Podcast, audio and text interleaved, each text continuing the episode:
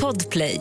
Konsten att vara, konsten att vara, konsten att vara, konsten att vara, konsten att vara, konsten att vara. Konsten att vara. Hej Gustav Jernberg! Hej Clara Henry! Yeah! Eh, jag glömde bort ditt andra namn nu. Uh, Clara... Nej. Mm, Det är okej. nej men vänta, nej Gudrun. Va? Kla... Katrin. Nej, Charlotte. Gudrun! Är det inte Charlotte? Nej, det är inte Charlotte. Ge mig en, bokstav. S. Sofia. Susie, motherfucker! Susanna. Ja. Klara Susanna, just det, nu satt det. Man måste säga det liksom så att det hänger ihop. Kommer du ihåg mina? Erik... Är det Karl också? Ja. Nej, det är det. Japp. Ja. Är det Erik först och Karl sen? eller? Japp. Karl-Erik. EKG. EKG. Yes! Motherfucker. Hur är det då? Eh, jag har migrän, tackar som Nej, frågar. Mm. va? Det är ett eh, själsligt mörker men jag är okej ändå på något sätt. Det är Ja. bara att, att, så här, ehm, att eh, det ehm, gör ont. Och så mår jag illa, jag mår fruktansvärt illa hela tiden. Usch. Mm. Ehm, lite ljuskänslor och så. Men jag är, alltså så här, jag är, jag är okej och sen så i stunder så är jag inte det och då får jag vila mig lite grann. Men, eh, nej men så att det, det, det känns ju. Men annars så är det toppen. Ja, vad härligt. Hur mår du? Jag är, jag är lite trött. Eh, jag har väldigt lite att göra, har jag ju klagat om tidigare i den här podden. Eh, och nu har jag liksom så här, ja, men nu har jag så ett gig på torsdag kväll och sen ska jag iväg och filma över hela helgen. Och Ah. det känns ändå nice. att så här, men då kan, jag, då kan jag med gott samvete vara lite ledig nu så här i början på veckan. Problemet, balans. ja, problemet är bara att då har jag ju bokat upp att jag ska så här, ja, men jag hänger med kompisar, jag gör ditten, jag gör datten, jag går och käkar lunch med folk. Imorgon ska jag och Kristina liksom ut och käka brunch och sen ska jag på någon jävla fest på kvällen fastän det bara är onsdag. Och det här då, det, det slog ju mig när jag gick hit i, nu ikväll att så här, om jag ska åka bort, alltså om jag ska göra ett gig på torsdag och sen åker jag bort från stan för att filma i tre dagar, då behöver jag packa. Och så bara, när fan ska jag hinna göra det? Jag har ju så mycket annat för mig. Men- Jag ska ju på brunch. behöver, du inte också, behöver du inte också ladda ditt introverta batteri? Eller Jag kan du vet bara ha inte. en sån här vecka och sen åker du och, och giggar? Nej, förmodligen inte. Det kommer ta slut på, Till saken, på hör, plats. ja, till saken hör ju att vi ska filma i Idre Mm. och eh, det är sex och en halv timmas bilresa dit. Alltså du kan sova Jag lite. kan sova lite. Ja. Och jag har ju liksom, det, det är jag och två till som ska resa. Eh, Jag, en fotograf och en inslagsproducent. Ja. Och de två har körkort och jag har inte det. Och det är så Vilket- himla tråkigt när det händer. det är så synd om mig. Men jag kan sitta i bak. Ja, jag kan väl sitta bak då. Mm. För så gjorde vi, vi var filmade i Mora för några veckor sedan. Och då satt ju de båda fram och de känner varandra sedan tidigare. Och jag hade aldrig träffat dem förut. Så det blev lite så här, men jag kan sitta bak, det är helt okej. Och så, så somnade jag och så satt de och småpratade, höll varandra sällskap i framsätet. Och jag bara oj, ah, hur långt har vi kommit? så att eh, jag tänker där kommer jag ladda mitt batteri. Ja, för fan. Min värsta sån bilresa någonsin var ju när vi skulle åka hem. Vi hade dygnat på en festival, för, alltså när vi var 19-20 någonting. Eh, och så skulle vi åka hem, jag vet inte, tidigt på morgonen tror jag eller så somnar man väl till liksom en bit in på vägen och vaknar av alltså vrål. Bilen bara kränger till. Då har min kompis som kör somnat vid ratten och hållit på liksom nästan över på andra sidan eh, motsvarande riktning då, där vi håller på att krocka med en ambulans. Åh, Men hon får liksom. Kontroll på bilen igen, ja, kör tillbaka eller vad man ska säga. Och sen så får hon liksom sitta med eh, öppna fönster och ehm, radion var påskruvad så högt för att hon liksom inte skulle somna igen. Åh fy fan, men hon fortsatte köra alltså? Ja. Men skulle hon inte, Det var fick hon inte så många vila som, någonting det då? var inte så många som hade, nej men jag vet inte, vi hade väl ingen konsekvenstänk då.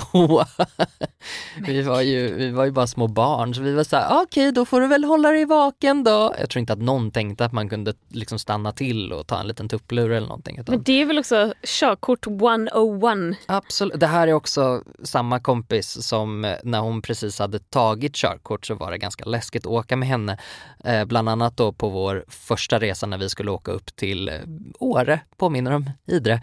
Ehm, och eh, hon var tvungen att köra om. Jag hamnade i hennes bil, det var lite läskigt. Det var två kompisar som precis hade tagit körkort och jag hamnade i hennes bil och eh, kände väl redan från början att så här, jag är inte så taggad på att åka med henne. Jag litar mer på den andra kompisen.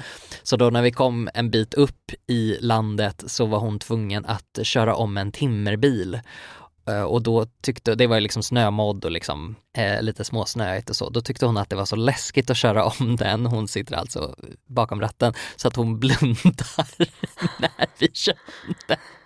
För att hon är så rädd. Gud. och jag satt bredvid den i framsätet och var så här, det här är, seku- alltså nu dör jag. Alltså, jag Nu är jag så nära min skapare. stresspåslag. Jag är så nära. Så ha så kul i bilen Klara. Åh fy fan. Okej, ja nej.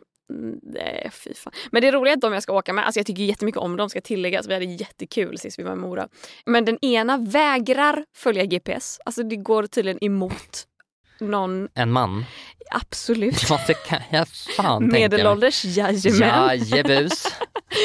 Nej, bara vägrar. Men är också så här, har ett otroligt lokalsinne. Han vet vart man ska svänga, men en gång svängde vi fel.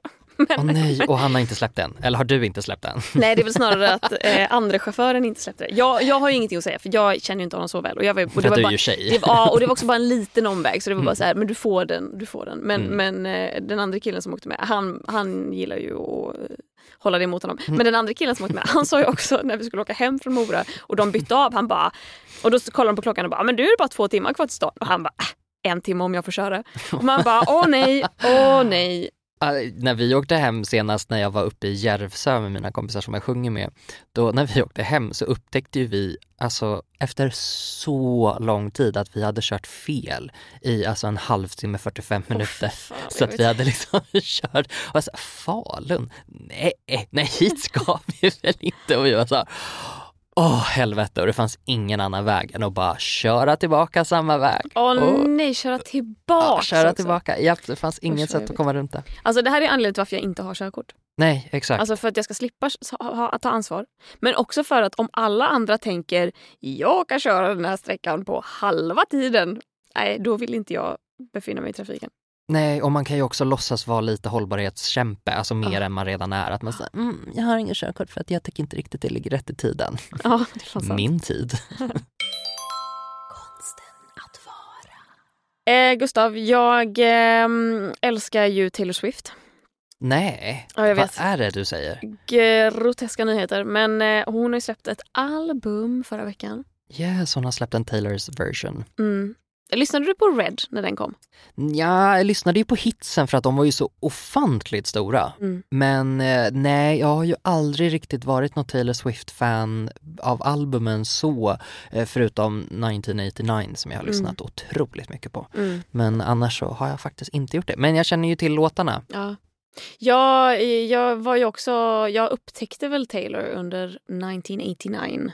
2014 eller när, när den nu kom. Men Red var ju albumet innan och att jag älskade 1989 så mycket att jag bara, jag ska bli Taylor Swift-fan. Det är liksom så här, nu bestämmer jag mig för det. Jaha, Nu ska jag backtracka albumen. jag tänkte att du hade hängt med från eh, första början nästan. Nej, nej, Men det nu när du inte säger det så är det så här, nej, hade du suttit där och lyssnat på country och vad Nej, det, country Love story och grejerna? med. Jo fast Love Story har jag ju, alltså så här, jag är väl också att jag har hört hitsen. Ja, Love Story, Men inte liksom ett 22, inbitet. Ja. Eh, Never Getting Back Together, alla de här liksom. Mm. Att jag verkligen tyckt om dem men aldrig fått för mig att gå in och lyssna på hennes diskografi liksom. Nej. Men hur som helst, Red är ett av mina favoritalbum med Taylor. Så när hon släpper då en remake på alla Red-låtar plus, jag vet inte hur många andra låtar, tio andra låtar som är osläppta. Som, som var lite run-ups till Red-albumet men som hon nu släpper. Mm. Eh, alltså jag blev lycklig. Nördexplosion, alltså fullständigt. Skoja inte. Jag var inne och kollade på det här albumet bara för att liksom se vad det, vad det innehöll och det Mm. var ju låtar utav bara Mm. helv. För hon är ju också lite rolig att hon brukar, jag vet inte om hon brukar släppa det med så här röstmemon och sånt där Mm. kan hon ju ändå liksom pytsa ut lite grann till publiken så man får höra hur hon började skriva en låt Mm. eller var liksom så här, det här skickade jag till mina producenter och så Just kan det. man jämföra det med den färdiga produkten. De här släppen är väl på grund av då hennes beef Alltså att hon släpper om albumen. Ja precis, med Mm. hennes agentur och, Ja. och, eller manager eller vad man nu Ja kallar men det. precis. Ja. Men eh, grejen med Taylor, alltså det som är så roligt med henne, eller det är väl också genomgående genom all typ av musik, men hon behandlar ju mycket heartbreak och kärlek i sin musik. Och att man kan liksom backtracka till vilka hon dejtade at the time. Mm. Det finns ju liksom väldigt, väldigt tydliga låtar om till exempel Harry Styles. Till exempel låten Style. Eh, Ja, det, det har inte jag fattat. nej, nej, men nu vet du. Ja, för jag var så här, jag bara, "Ha, hur backtrackar man det? Är det liksom för att man vet vil- när i tiden? Ja, men, Men, också hon ja. sjunger om någons gröna ögon och sjunger så här, men också att Mm. man vet vem hon dejtade at the time. Och när hon skrev Red-albumet så hade hon ju haft en tre månader lång romans med Jake Gyllenhaal. Och har man koll på meme-Sverige, eller meme-världen just nu, så är det ju Jake Gyllenhaal memes all over the place. För hon sjunger ju om då att hon glömde sin scarf hemma hos din syster. Och att du har, du har fortfarande kvar den i din byrå efter alla dessa år. För att eh, den, den luktar som jag. Och att det finns ju då bilder på när Taylor är ute på stan med Jake Gyllenhaal och hans syster. Hon har på sig den här scarfen och sen några månader, ett halvår senare så syns Jake på stan iklädd en scarf som är misstänkt lik den Taylor hade. Mm. Och, och till saken hör jag att det var en, en jättestor åldersskillnad mellan dem. Jake var väl 29-30, Taylor var väl 19-20. Kan det ha varit så? Taylor var 20, han var 29. Okej. Så Jake Gyllenhaal var i allra högsta grad en vuxen man. Eh, Taylor Swift var i allra högsta grad ett barn på väg in i vuxenliv. Ja, väl, en väldigt tidig vuxen kan man väl säga. Mm. Vad, vad, är, blir man, vad är myndighetsgränsen i USA? Eller den är väl 18 i och för sig. 18, man, man får ju dricka, dricka vid när man är 21. 21. Nej, Nej, hon, får... hon fick inte dricka. Vi kan ju säga så. Exakt. Det säger ganska eh, mycket. Precis, eh, det får man ju. Deras eh, alkoholgräns är ju vid 21. Så att det här är väl ett, ett ehm, alltså så här, det kan väl sägas vara ett ganska typiskt liksom, förhållande ibland, kille-tjej liksom. Mm. Ung tjej, vuxen kille, killen dumpar henne kanske lite fult, Mm. tänker jag. Att det var väl lite det som var grejen. Men också två. kanske utnyttjar henne lite genom hela relationen. Mm. i att hon faller blint för honom och han har gått in i en relation utan intentioner att eh, upprätthålla någon form av Ja men att upprätthålla en relation. Men lite grann, jag kan ju jag kan känna Fuckboy. det. Ja exakt, eftersom jag nu då är en, en man som är 30 så kan jag jämföra det med hur jag själv var när jag var 20 Mm. och jag eh, tänker ju att det blir oschysst hur jag än vrider och vänder på det om jag skulle börja dejta en 20-åring nu för att jag kommer ha andra premisser, jag kommer ha en annan ingång i en relation Mm. där jag tror att jag måste ha en väldigt tydlig intention om jag om jag, alltså att man måste vara väldigt tydlig då att så här, bara så du vet, jag fattar att för dig är det här kanske love of your life, liksom nu dejtar vi för alltid eller nu har vi fallit för varandra men för mig är det typ så här, ja det kan kännas så men jag vet också att det kan gå över. Mm. Ja gud ja och att så här, man vill ju absolut brasklappa och säga att det, finns, det är inget fel att dejta med åldersskillnad. Men det blir ju, någonting skaver ju när man vet att så här, det finns den här maktskillnaden mellan en 30-åring och en 20-åring. Mm. En maktskillnad som kanske inte minst är retorisk. Hur man har lärt sig uttrycka sig, uttrycka sina behov och hur man väldigt lätt kan liksom vilseleda någon som är yngre genom att den har hakat upp sitt liv på den här kärleken. Och att man bara absolut, jag tar gärna emot den bekräftelsen men jag har andra intentioner och jag bara aktivt väljer att inte tala om dem för dig. För att sen när vi bråkar har jag helt andra medel att stå upp för mig själv. Mm. Ja, och sen så är det väl själva reaktionen på, på relationen som blev så himla tydlig att när, de, när det väl tog slut så hamnade ju mycket fokus på oj vad Taylor gjorde det här till en stor grej. Hon Mm. skrev ett helt album om honom. Eh, och man blinkar ju inte en andra gång om det är en snubbe som skriver ett helt album Mm. om någon Nej. i vilken vinkel som helst liksom. Mm. Och att det är ju inte bara Jake Gyllenhaal och Taylor Swift som är ett, liksom, ett unikum. Utan det är ju det är ju inte bara kändisprivatliv vi snackar om som är lite snaskigt så, utan det är ju, det är ju del av ett, liksom, ett fenomen Mm. där äldre män går in i relationer eller snarare lockar in yngre kvinnor i relationer för att de tycker att det är lite hett och sexigt. Men de har inga planer på att det ska hålla i längden och de misslyckas med att kommunicera detta. Taylor har släppt den här 10 minuters versionen av All Too Well Just ja. där hon har lagt till lite verser och lite texter. Och att eh, hon sjunger typ att så här, punchlinen går att, att hon åldras men all your lovers stay the same age. Mm. Alltså hon blir bara äldre men du fortsätter dejta 20-åringar. Mm. Och att man bara oh burn, oh burn. Han och hans agent har så jävla mycket panik just nu. Men så apropå detta då så skulle jag vilja prata lite om cancel culture och hur jag känner att eh, Jake Gyllenhaal just nu svävar i någon form av mellanland. Att så här, han blir inte aktivt cancellad men folk skrattar åt honom. Och folk, han är lite färgad av vad han har gjort mot Taylor Swift. Ja, för perspektivet har väl skiftat lite grann nu då från när det faktiskt hände för Mm. tio år sedan. Gud, ja. Alltså då man var så här: LOL Taylor, stupid bitch. Mm. Och nu är det mer LOL Jake, stupid bitch. För att hon är i en helt annan maktposition nu karriärsmässigt. Mm. Vilket jag tycker säger en hel del om hur vi ser på kvinnors historier. Vilket narrativ vi väljer att lyssna på. Mm. Konsten att vara. Ny säsong av Robinson på TV4 Play. Hetta, storm, hunger. Det har hela tiden varit en kamp. Nu är det blod och tårar. Fan händer just nu. Det. är Detta inte okej. Robinson 2024, nu fucking kör vi! Streama söndag på TV4 Play. Ett poddtips från Podplay. I fallen jag aldrig glömmer djupdyker Hasse Aro i arbetet bakom några av Sveriges mest uppseendeväckande brottsutredningar. Går vi in med hemlig telefonavlyssning och, och då upplever vi att vi får en total förändring av hans beteende. Vad är det som händer nu? Vem är det som läcker? Och så säger han att jag är kriminell, jag har varit kriminell i hela mitt liv men att mörda ett barn, där går min gräns. Nya säsongen av Fallen jag aldrig glömmer på Podplay. Konsten att vara.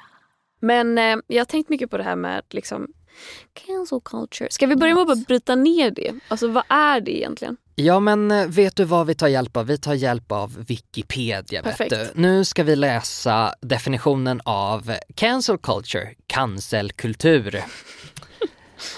Hur översätter man cancel? Kans, cancellera. Cancel. Det är cancellations... Avbryt. Ja, avbrytskultur. Ja, men så här är det, det kallas på svenska utfrysningskultur, Mhm. kränkthetskultur eller Utfrysningskultur. Det låter ju mycket hårdare på svenska. Tycker du det? Mobbningskultur kan vi kalla det. Ja men eh, kränkthetskultur eller utraderingskultur. Utradering gillar jag. Ja. Eh, ja, alltså det, det, det tycker jag också är hårt. Är det Ja, inte? kan man inte bara översätta det till bojkott? Jo, bojkott är väl, är väl rimligare på något sätt för att det, det handlar väl så som jag tänker på det så är det väl någon slags ekonomisk grej som man ska Mm. göra egentligen. Mm. Men ja, det är en modern form av ostracism. Oj, det var ett fint ord som Mm. jag aldrig har hört förut. Eh, ostracized, man blir publikt Ostrich. skammad. Ja. Vill jag, ska jag googla på? Oh, gud, vilket jävla rabbit hole när man alltså nämner att jag är tvungen att googla på varenda ord i den här Wikipedia-artikeln. Men det är alltså något som i det forna Greklands demokratiskt styrda stater eh, Va? jag förstår inte. Ja, okej, De, ja, det är som Robinson i eh, forna Greklands Det är som, som öråd. Ja, precis. För att eh, det man gjorde i eh, de demokratiska styrda staterna i antikens Grekland så eh, gjorde man omröstningar med små tavlor eller skärvor av bränd lera, ostraktion på viss tid.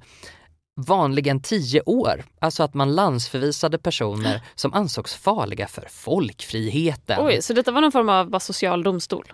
Ja, men precis. Exakt. Så det här är alltså en modern form av det där någon kastas ut från sociala eller professionella kretsar, på internet, i sociala medier eller från andra arenor i livet. Den som utsätts för denna ostracism sägs ha blivit cancelled.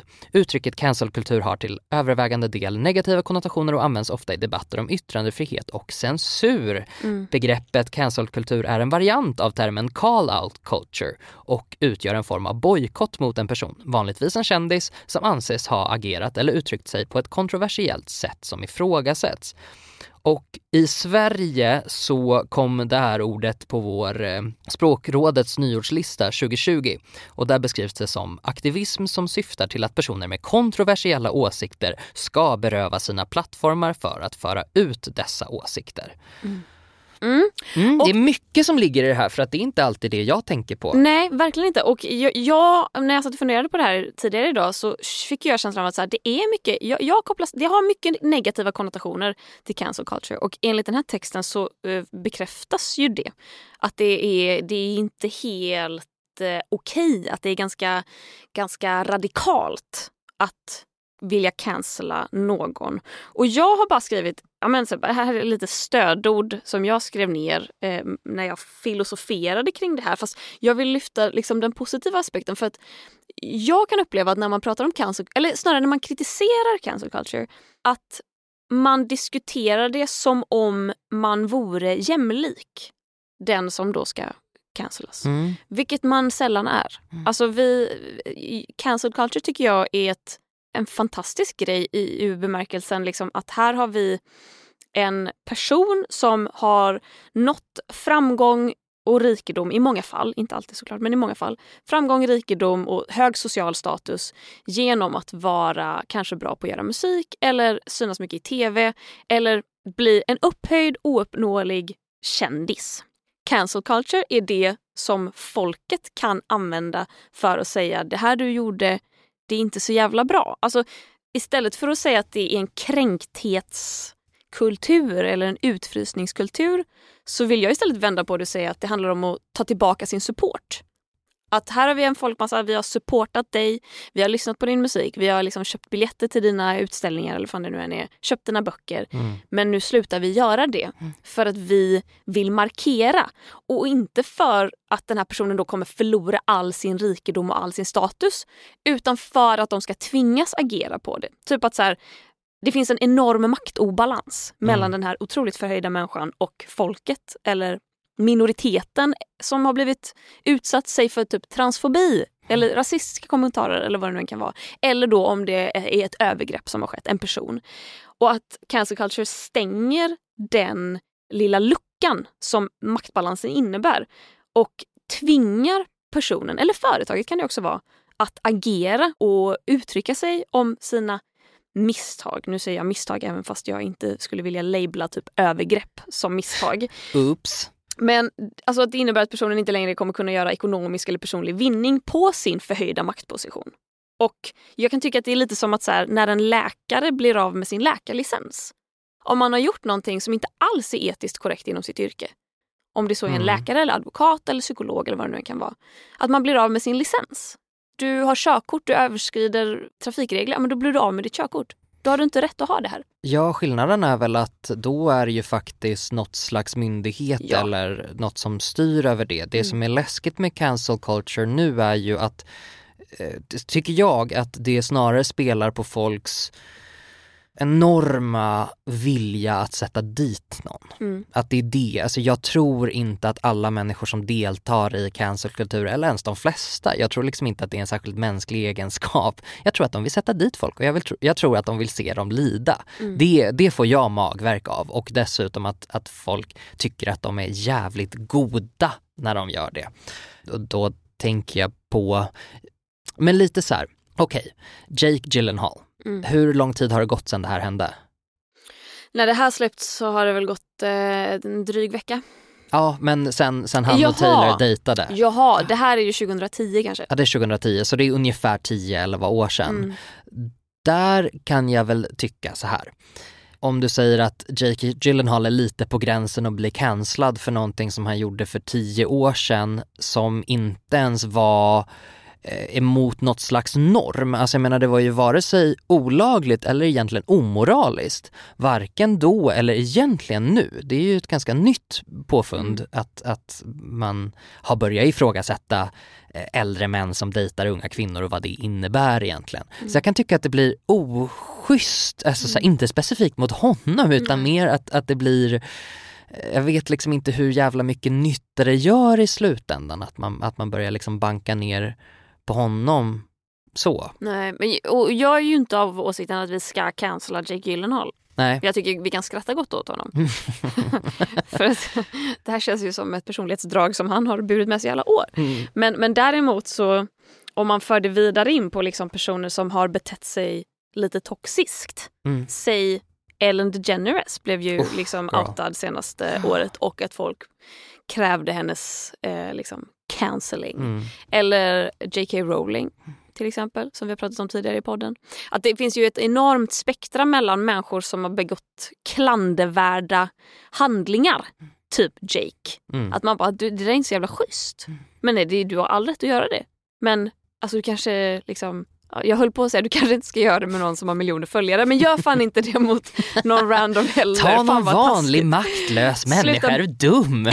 Sluta krossa hjärtan generellt bara. Men det är ett jävla spektra mellan det och typ Harvey Weinstein eller R. Kelly eller liksom de här alltså metoo-männen. Jesus, ja nej men gud, alltså eh, släng dem i fängelse. Det tycker jag också. Och jag, jag håller med dig om det här med att, att det blir ett sätt för oss konsumenter på något sätt att till, ta tillbaka en makt. Mm. Men där blir jag ju snarare less på också det så här kapitalistiska systemet som gör att så som vi värderar eh, underhållning eller värderar vad som händer i liksom popkulturella kretsar. Det värderas otroligt mycket högre om du bringar in pengar egentligen än om du gör klandervärda saker för annars skulle inte Chris Brown få fortsätta släppa musik och nu får han det trots att han faktiskt är, är dömd för att ha misshandlat sönder liksom Rihanna för att ta ett, eh, ta ett exempel. Ny säsong av Robinson på TV4 Play. Hetta, storm, hunger. Det har hela tiden varit en kamp. Nu är det blod och tårar. Fan händer just nu. Det. är Detta är inte okej. Robinson 2024, nu fucking kör vi! Streama söndag på TV4 Play.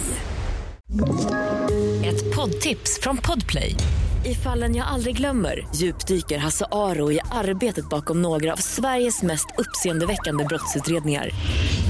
Går vi in med hemlig telefonavlyssning och, och då upplever vi att vi får en total förändring av hans beteende. Vad är det som händer nu? Vem är det som läcker? Och så säger han att jag är kriminell, jag har varit kriminell i hela mitt liv men att mörda ett barn, där går min gräns. Nya säsongen av Fallen jag aldrig glömmer på Podplay. Alltså vet du vad Chris Brown har fått lov att göra sen han misshandlade Rihanna? Ah, slagit en till tjej? Ja, det, Eventuellt. Ja, det har jag inte hört ens hört någonting Nej. om. Men alltså, Läste någon löpsedel om det? Åh, Allegedly. härligt. Jättebra. Nej men alltså det här är då, jag har skrivit ner vad han har gjort. Eh, alltså, och inte gjort som i hans eh, brott liksom, utan vad han har gjort som i vad han har åstadkommit och vad han har tillåtits göra av skivbolag, fans etc. Eh, sen 2009. Jag har då alltså inte räknat med det som han släppte 2009, vilket är en jävla massa. För jag ska säga att jag orkade inte googla när på året som Han, han slog sönder Rihanna. han tog Rihannas huvud och Mm. slog den in i en vägg. Ehm, men sedan 2009, från 2010 framåt, har han varit på fyra stycken turnéer. Han har släppt sju fullängdsalbum. Han har släppt 25 stycken singlar. Han har medverkat i en tv-serie och fyra filmer. Mm. Alltså regelbundet då sen han höll på att ha ihjäl Rihanna. Visst har vi pratat någon gång om eh, Super Bowl 2004 när Justin Timberlake och Janet Jackson uppträdde? Ja, och det Justin Timberlake sliter av Janet Jacksons bh, Just. hennes bröst eh, blottas. Mm. Vi kan ju lite så spontant tänka efter, vad har Justin Timberlake gjort sedan dess? Allt! Allt. Vad har Jeanette Jackson gjort sedan dess? Absolut ingenting. Nej. Alltså hon kan knappt få till en turné. Och var det inte, spekuleras det inte också, eller det, det är väl så att Justin Timberlakes Cry Me a River handlade om när han och Britney Spears gjorde slut. Jo, exakt. Och att hon eh, såklart var ledsen. Och han hånade henne offentligt. Ja absolut och jag tänker att så här, det, det enda skillnaden är väl på något sätt att Britney Spears hade väl en mer eh, lovande ekonomisk karriär framför sig eftersom hon faktiskt var i tidiga 20-årsåldern precis som Taylor. Och hon blev nog inte cancelled eller liksom hon hade nog kunnat hamna mer illa ut om det inte fanns så enorm ekonomisk vinning att få av att fortsätta hennes karriär. Medan Janet Jackson är ju dels mycket lättare att, att döma för att hon är en svart kvinna men dessutom för att hon var lite äldre då tror jag. Mm. Jag tror att det, det bidrog till, till att hon försvann så, så kraftigt från, från radarn. Mm. Mitt favoritexempel på en kvinna som har blivit av med en jävla massa är ju Kathy Griffin Mm. som alltså är en komiker som hade en alltså jag skulle ändå säga att hon är en av de, var, en av de mest hårt arbetande komikerna i USA. Eh, en kvinna som är närmar sig 60 nu om hon inte har hunnit bli 60 och hon har alltså kuskat omkring sedan 90-talet, hon har kört en jävla massa stand-up, hon har vunnit Emmys och hon har, alltså hon har jobbat, jobbat, jobbat, jobbat, jobbat. Hon gjorde en tidig realityserie som hette My Life on the D-list. Och jag tror det var den hon vann en Emmy för, där bara så här, de bara lollade åt, alltså så här, hur jävla tattig hennes karriär var. Det var så här, nej alltså jag får gå typ inviga en getgård. Hon, eh, svinrolig, väldigt framgångsrik, har gjort några så kontroversiella grejer som jag tycker är superroliga. När hon vann då sin Emmy så sa hon ju, när hon tog emot priset, sa hon, eh, åh det är så många människor som kommer upp hit och tackar Jesus. Jag vill bara säga att Jesus hade absolut ingenting med det här att göra. Eh, suck it Jesus, this award is my God now. USA freakade ur! Alla fick panik. Ehm, men du vet, alltså det blev, ju, det blev ju kontroversiellt men på ett roligt sätt. Eh, ett år så skrek hon till en, hon gjorde den stora, stora, stora nyårssändningen på mm, CNN tillsammans med Anderson Cooper som är ett av deras kända nyhetsankare där hon skrek till en i publiken som stod under och häcklade henne så skrek hon liksom så här, typ livesändning, sluta störa mig, I don't come to your job and knock the dicks out of your mouth. Eh, så att eh, censuren blev så här, crazy, crazy, crazy. Eh, och 2017 då så gjorde hon en, vad hon trodde var en ganska vanlig plåtning. Hon och Donald Trump har haft lite historia tidigare, liksom så här, de har ändå jobbat lite ihop men ja. Eh, kanske inte liksom bästisar eftersom hon är ganska profilerad vänster så och då ställde hon upp på en plåtning som skulle också vara lite så här, ett litet lolligt moment men ah, ja, alla hatar Trump så vi kör. Där hon står med en Trump-mask med ketchup som hänger från eh, halsen. Det ser liksom, ut som att, han, hon håller hans avhuggna, avhuggna huvud. huvud. Ja men absolut och, och, hon har liksom förklarat det här med att en av de många opassande sakerna som Trump sa när han var president var ju bland annat om Megyn Kelly som är en eh, journalist.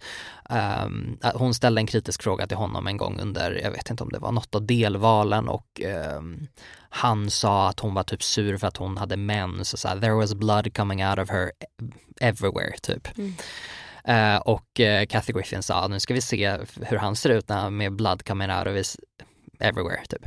Den här bilden blev ju väldigt, väldigt, väldigt viral mm. och på mycket kort tid så blev det en sport att följa hennes eh, cancelling. Mm. Hon blev alltså aktivt eh, bojkottad av hela världen. Det här är inte, jag skulle säga framför allt USA för att det var där hennes stora ekonomiska vinning fanns och hon blev rådd att så här, gå ut och be om ursäkt för det här och liksom säga förlåt, förlåt, förlåt, förlåt. Och sen ändrade hon sig. Hon bara, nej för i helvete, jag ska faktiskt kunna göra en sån här grej. Jag är komiker. Hon bara, jag är en rödhårig 57-årig kvinna som är komiker. Eh, det är klart som in i helvete att jag får göra det här. Mm. Eh, de började sprida rykten. De, då är det liksom Trump-troll blandat med eh, säkerhetspolisen i USA som Trump då kunde liksom styra lite grann så att hon hamnade på en, en no-fly-list, bland annat att hon inte liksom fick lämna landet. Det där är ju rent odemokratiskt. Alltså, ja. så här, jag kan ju tycka absolut Exakt. osmakligt. Alltså, så här, ja, nej, men det är klart som in i helvete Konsten är fri, men det betyder inte att man måste skratta åt alla skämt nej. eller att man inte kan problematisera vissa skämt. Nej. Eller som när, ja men liksom Dave Chappelle, nu har jag kollat upp vad han gjorde. Vi ja, pratade om det. Ja. Jag har ju fortfarande... Och vi visste inte vad det var Nej, och grejen är också så här, alla jävla artiklar jag läser refererar till den här Netflix specialen mm. men ingen säger uttryckligen vad han sa. Okay. Och jag pallar inte sitta igenom en hel så här, tråkig standup-rutin med ännu en man som ska säga något transfobiskt. Liksom. Så, att, så att det jag vet är att han har sagt något transfobt och han kanske försvarar J.K. Rowling tror jag. Eller så okay. någonting, han skämtar mm. om det mm. på något sätt i alla fall. Mm. Och man bara, åh, men snälla rara, alltså så här, har vi inte, har, fattar inte folk det nu? Att så här, skämtar du på transpersoners bekostnad så kommer transpersoner och andra allies att säga, fan vad tråkig du är. Alltså då kommer du bli kritiserad. Och vi har rätt att kritisera. Man har rätt att kritisera. Alltså så här, det är det som är konst. Den är till för att den är till för att provocera men den är också till för att bli kritiserad. Mm. Att uppröra eller vad det nu än är. Då får man ju räkna med att folk blir upprörda. Men det är ju skillnad då på att ta emot kritik, alltså väl, väl underbyggd mm eh, och kanske förtjänad kritik. Och att inte få lämna sitt eget land. Ja, nej men precis, det blev ju helt sjukt. Folk sökte ju upp eh, numret till hennes syster som låg döende i cancer på sjukhuset och ringde till henne och liksom oh, sa att, att, vi är glada att du dör. Um, eh, hennes liksom dying days. Så att eh, Kathy Griffin har alltså gått från, ja men säkert en av de rikaste, dessutom kvinnliga komikerna alltså, eh, mm. till att inte ha en enda, eh, ett enda datum inplanerat. Mm. För att hon gjorde någonting, till slut började hon twista det här för att hon fattade liksom att hon bara, nu blir det här en yttrandefrihetsfråga för att det kan faktiskt inte vara så att presidenten bestämmer sig för att jag har gjort någonting som är, som är opassande liksom. Mm. Så att jag menar, den här reaktionen, den här, de här enorma proportionerna, att ta till det för en sån sak, oavsett om det var ett osmakligt skämt. Mm. Att de var såhär, hon försökte assassinate the president. Hon bara, vad menar ni? Hon bara, min mamma ringde mig och frågade varför jag gått med i IS. och hon bara, det har jag inte alls, vad är det som händer liksom? Mm. Den oproportionerligt stora reaktionen på någonting som oavsett då för jag tänker som du sa, konst är till för att kritiseras. Ja, konst är också till för att ignoreras ibland. Mm, alltså konst behöver inte eh, stötas och blötas om man inte tycker att det är intressant. Där har vi också möjlighet att utöva vår konsumentkraft, att helt enkelt Sluta det... supporta. Sluta supporta, mm. exakt. Gör ditt... Cancel culture. Culture. Ja men precis. Att, då att... köper inte jag biljetter till den här komikern då. Nej. Jag tycker hon är så jävla provocerande. Ja men exakt, mm. och så slutar man med det. Eh, det. Det läskiga är ju då att det blir en, en mobb. Mm. Eh, och det tror jag händer alltså, så väldigt mycket från vänsterhåll också, mm. även i frågor som jag bryr mig väldigt mycket mm. om. Mm. Där jag tror att man kanske har lite sned eh, i mina ögon snedtolkat liksom vilken, vilken kritik som kan vara konstruktivt och mm. vad som inte är det och där det blir ja. men vill man inte diktera vad andra ska göra? Va? Nu kommer inte jag köpa biljetter till Kathy Griffin och därför kommer jag bli arg på alla andra som gör det. Mm. Alltså såhär, nej tyvärr, du kan bara styra över dig själv. Folk kommer lolla åt saker. Alltså folk kommer lolla åt opassande saker också. Mm. Det är alltså så, så är det. det Michael kommer... Jacksons musik spelas fortfarande. Jag tycker den jag hör den varannan oh. gång jag går in ja. på valfri restaurang. Exakt. Man bara snälla. Alltså... Och jag blir så här, jo men jag kan också bli obekväm av det och jag tycker att det är lite så här opassande men det är också så här, ja okej okay, fine. Han är död. Han är död. Eh, ska man vara riktigt krass så blev han inte dömd för någonting. Sen kan man ju också fråga sig varför han inte blev dömd. Kan det vara för att det fanns lite ekonomisk vinning mm -hmm. att få där också? Eventuellt ska man Nej men verkligen, alltså, så man kan bli illa till mod så man kan tycka mm. att någonting är jävligt opassande och osmakligt. Och diskutera då det. Ja. Alltså samlas i smågrupper. Mm. Prata varför upplevde jag att det här inte alls var ett roligt skämt? Och vad utgår jag ifrån? Vad kommer mina känslor ifrån? Mm. Skriv en jävla debattartikel i Expressen. Gör Absolut. det! Jag tror ju också väldigt mycket på att man kanske behöver börja prata lite grann med folk som inte tycker samma sak också mm. för att förstå. För att jag tror att i slutändan med cancel culture så är det, jag tror att det är ett viktigt verktyg att använda men jag tror inte att man kan läsa in fullt så mycket i vad det säger om en annan människa som väljer att inte delta i det om den, vad den har för moral. För det kan jag uppleva lite ibland att folk säger “Jaha, du köpt den där grejen, ha, du, du älskar visst kvinnomisshandel” och jag bara “Oj, nej, hehe, jag kanske bara inte hade gjort en djupgående analys här, mm. eh, men om du pratar med mig om något annat så kanske jag vet någonting där”. Mm. Där kan det bli, särskilt då, efter, jag ser ju vänstersidan som en mer intellektuell sida generellt mm. eh, och där det kan bli att man använder sitt intellekt som slagträ och gör att folk blir fullkomligt ointresserade mm. av allt man har att säga om några frågor överhuvudtaget. Jag tror om man vill att folk på riktigt ska liksom respektera transpersoner så tror jag kanske inte att en överdriven cancel culture är egentligen rätt väg att gå så. Mm. Samtidigt så tror jag att det är en bra, bra början att börja fundera över vad man har för konsumentkraft. Mm. Gud ja, för den är stor. Det är den. Mm. Ja men jag har ett tråkigt moment of the week och tråkigt för att jag faktiskt, alltså så här, det har inte hänt någonting den här veckan. eh, alltså det har verkligen inte gjort det. Det enda som har hänt som har varit utmärkande på något sätt har varit min migrän. oh. Alltså, ja, eh, att um, har du haft migrän någon gång? Aldrig haft, Nej. inte proper migrän. Nej, för, för, jag märkte det liksom för att det började så flimra framför ögonen kan det göra ibland, mm. att man får mm. liksom vita, vita prickar. Jag bara satt liksom och blinkade, blinkade, blinkade och tittade på min skärm och bara, fan är det som händer? Och sen så har det bara liksom fortsatt sen dess. Blivit lite bättre i stunder och sen lite sämre igen. Idag har jag haft ont alltså så i nacken nacken. För det känns liksom som att det sitter lite där, det börjar lite där och det är som att nacken är extra spänd. Den brukar ju aldrig vara sådär riktigt avslappnad men det är som att man liksom känner på den så här, någonting sitter fast här. Uh, så det är ju en jävligt äcklig grej att gå omkring och, och känna. Mm. Trots att jag då är okej. Okay. Alltså jag menar det finns ju folk som eh, min mamma som när hon får migrän så blir det liksom verkligen dra för gardinerna och ligga i sängen hela dagen om möjligt. Eh, men jag kan ju ändå sitta framför en skärm i åtta timmar. så det går ju bra. Men, men det är väl det enda utmärkande den här veckan. Det har liksom inte hänt någonting så jävla... Det har verkligen hänt någonting jättebra Ja, det har eller jättedåligt. vecka. Vad fan är det så- för vecka vi Ja, har men, haft? medioker. Att, Ja. liksom, ja, det var det mest utmärkande just den här veckan. Ja, jag kollar verkligen i min kalender och bara, vad har, jag har inte gjort ett skit. Jag hade skrivit upp migrän. Nej, jag hade inte. jag bara, mm, Har migrän hela fredag. jag har bokat in lite slott här, så jag ska hinna det. jag tror mitt moment of the week, det måste ha varit i söndags. Då firade jag och Fille tre år som vänner. Nej, För att vi har vad liksom... säger du? Ja, det Va? är så jävla fint. För att vi har... ehm, eh, men vi var på, så här, först, första gången vi sågs var, var vi på Pride och det var typ så 2017 kanske. Mhm. Och sen sågs vi exakt ett år senare på Pride 2018. Men vi kände inte varandra, det var bara att vi råkade vara i samma jättestora sällskap. Typ. Och sen då när jag och Kalle gjorde slut så råkade Fille crasha mitt och Johannas ölhäng ett par dagar senare. När, eh, när jag hade liksom så här, bara, jag måste gå ut med Johanna och jag måste bara prata av mig. Jag har så mycket så här, "Åh, gjorde, jag, gjorde jag fel? Eller så här, man var lite ledsen så. Och då kom Fille dit och att jag kände ju inte Fille alls. Och när Fille såg mig vart hon bara så här, men gud hur mår du? Och att jag bara, nej men det, är- det är sådär. Alltså det är jag precis, alltså jag är liksom nyskild för bara några dagar sedan. Och hon bara, men gud, jag går, förlåt. Och vi bara, nej sluta nu, nu är du här, du får sitta här, nu ska du få höra allt. Och sen efter det så skickade Fille ett jättefint meddelande till mig på DM på Instagram och bara så här, gud förlåt och jag hoppas att allt blir bra och typ, du verkar så stark och så här, du kommer klara det. Och så typ massa solros-emojis. Att hon bara, här får du en solros för det är min bästa blomma för den vänder sig alltid mot solen. Typ. Och att jag bara, "Mi, gud vad gulligt. Och sen så började vi skriva till varandra och sen har vi liksom Mm. gått och blivit bästa bästa vänner. Och att i och med att det här smset finns i någon liten printscreen någonstans så står det också datum. Då vet vi vilken dag det var. Men ni ska fira. Ja, så då var vi ute på bageri tillsammans med en tredje kompis och kompisens barn. Alltså hör du Gustav, den här veckan har jag umgåtts Nej, med barn. men välkommen till mitt liv. Tackar, tackar. Kul att vara här. Eh, och då är mitt moment of the week är vad jag åt på det här bageriet.